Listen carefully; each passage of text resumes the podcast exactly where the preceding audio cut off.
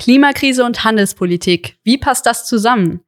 Das Handelsabkommen zwischen Kanada und der Europäischen Union, CETA, wird in Teilen bereits seit 2017 umgesetzt.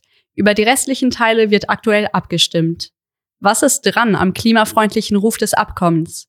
Mit Alessa Hartmann spreche ich heute darüber, wie sich der Handel mit klimaschädlichen Gütern in den vergangenen Jahren verändert hat und was im Abkommen zum Klimaschutz steht.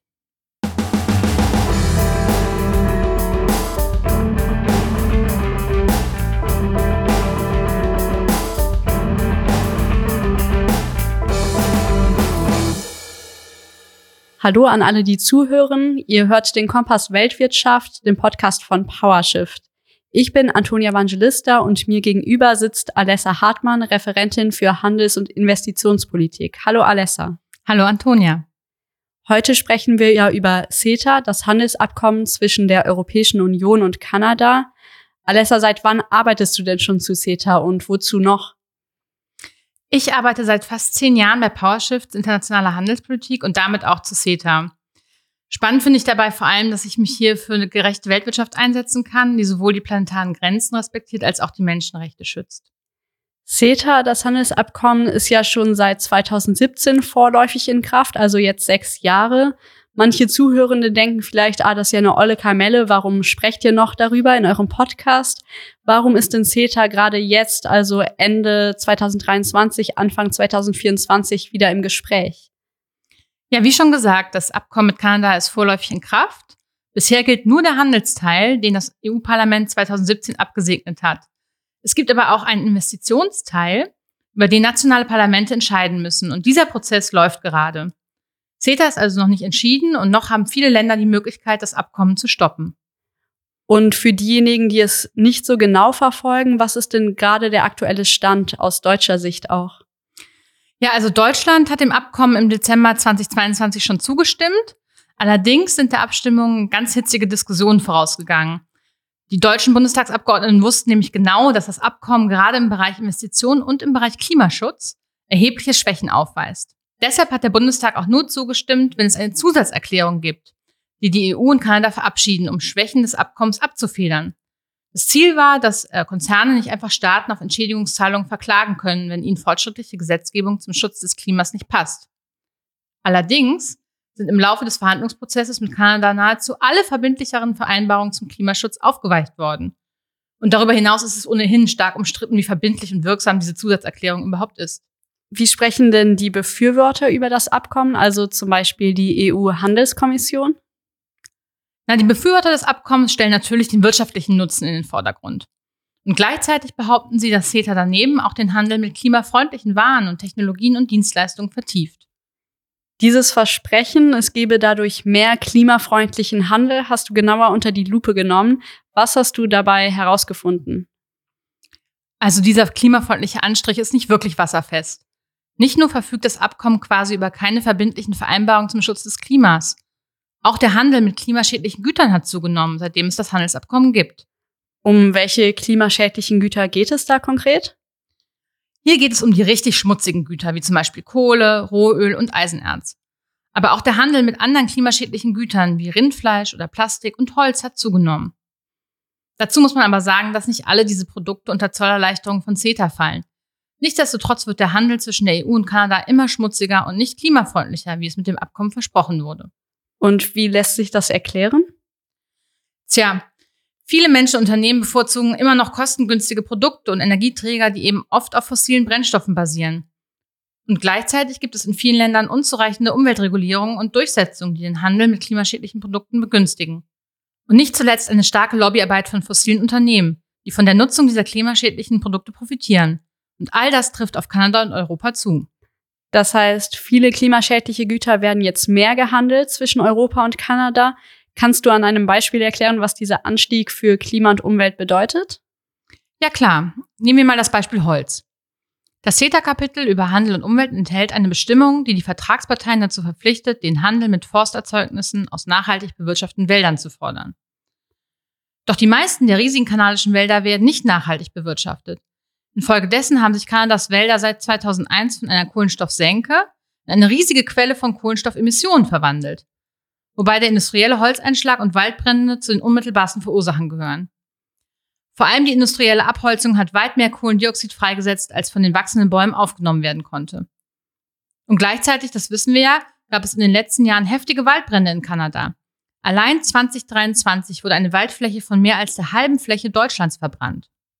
Obwohl die kanadischen Wälder also massiv bedroht sind, zielt CETA darauf ab, den Holzhandel zwischen der EU und Kanada auszuweiten. Während die meisten forstwirtschaftlichen Erzeugnisse in der EU bereits zollfrei waren, wurden durch CETA die restlichen Zölle auf kanadische Holzexporte abgeschafft. Das Abkommen senkt zum Beispiel die Zölle auf Faserplatten, Sperrholz und Ahornholz. Vor CETA befanden sich die EU-Einfuhren von Forstprodukten aus Kanada auf einem absteigenden Ast. Doch seit der vorläufigen Anwendung des Abkommens hat es eine Trendwende gegeben. Das heißt, seitdem werden nicht nur Holzprodukte aus nachhaltig bewirtschafteten Wäldern verstärkt gehandelt, sondern Holzprodukte insgesamt aus Kanada kommen verstärkt nach Europa. Ja, genau so ist es. Aber noch stärker ist es andersrum. Die EU-Holzexporte nach Kanada steigen immer weiter an. Und das, obwohl es auch in Europa einen beschleunigten Waldverlust gibt. Der zunehmende Holzeinschlag aufgrund der wachsenden Nachfrage schwächt auch die Fähigkeit der europäischen Wälder, Kohlendioxid zu absorbieren und untergräbt damit die Fähigkeit der EU, ihre Klimaziele zu erreichen. Die in CETA vorgesehenen Senkungen der verbleibenden Holzzölle und die daraus resultierenden transatlantischen Handelsströme werden wahrscheinlich zusätzlichen Druck auf die europäischen und kanadischen Wälder ausüben und ihre Absorptionskapazitäten noch weiter schwächen. Und obwohl dieses Risiko den Verhandlungsführern der EU und Kanada bekannt war, sieht das Abkommen keine Schutzmaßnahmen vor, um die Wälder in ihrer Rolle als Kohlenstoffsenken vor der wachsenden internationalen Nachfrage nach Holz zu schützen. Sind der Schutz von Wäldern und die klimaschädlichen Folgen des Holzhandels gar kein Thema im Abkommen? Ja, doch, schon. Das CETA-Abkommen hat eine Dialogplattform zu Waldprodukten eingerichtet. VertreterInnen der kanadischen Regierung und der EU-Kommission diskutieren hier. Leider aber nicht darüber, wie man die klimaschädlichen Auswirkungen eingrenzen kann. Im Gegenteil. Kanadische Vertreterinnen dringen bei den Treffen darauf, dass die EU ihr Entwaldungsgesetz abschwächen solle, da es dem Holzhandel zwischen Kanada und der EU schade. Und das ist natürlich auch ein Problem bei CETA, dass in diesem CETA-Gremium zum einen Einfluss auf Gesetzgebungsprozesse genommen werden kann, wie man jetzt sieht. Zum anderen kann hier das CETA-Abkommen auch verändert und weiterentwickelt werden.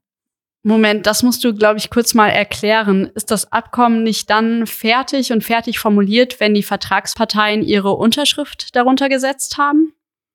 Ja, das sollte man meinen. Aber CETA ist ein sogenanntes lebendes Abkommen.